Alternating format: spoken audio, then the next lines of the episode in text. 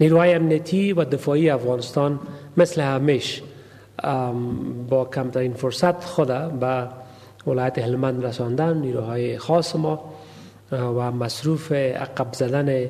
حمله های طالبا هستند مصروف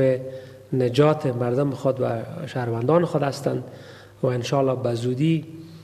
تمام حمله های طالبان در ولایت هلمند سرکوب خواهند شد و مردم افغانستان یک بار دیگر در و, و شهروندان عزیز ما در ولایت هلمند در فضای امن زندگی خواهند کرد. ما از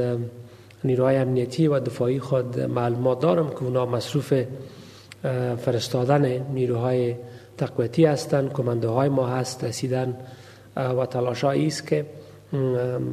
حمله های طالبا عقب زده شود حمله های طالبا و گروه های طالبا در هلمند سرکوب شود و مردم یک بار دیگر در فضای امن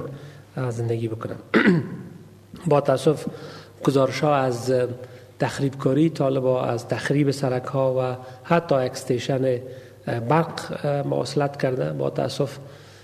و فیلم هایی که رسیده دیده میشه که طالبا با تخریب دارن افتخار می‌کنن و و این خود بیانگر است که با تاسف این گروه دشمن آبادی است دشمن انکشاف است. و اجازه نمیتن که مردم ما در یک فضای امن و رفاه زندگی بکنن.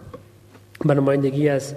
حکومت جمهوری اسلامی افغانستان و نیروهای امنیتی و دفاعی افغانستان من اطمینان برای هموطنان عزیز خود در ولایت المند می‌تونم که نیروهای ما انشاءالله با تمام قوت از مردم خود دفاع خواهد کرد. زموږ امنیتی ځواکونه په میړانه د خپل هلمندیان وطنوال ساتي دوی مصروف دي ترڅو د حمله په شا کې د گزارشاتو پر اساس باندې دښمن ته مرګ ژوبله هم اوخته تلفات دوی لري. او زموږ امنیتي ځواکونه په میړانه به د خپل ګران هیوادوال ساتنه وکړي. زموږ ځانګړي ځواکونه دوی هم مصروف دي. نو د دوی اصلي هدف دا دی ترڅو د طالبانو ټول هغه عملې شند کې د دوی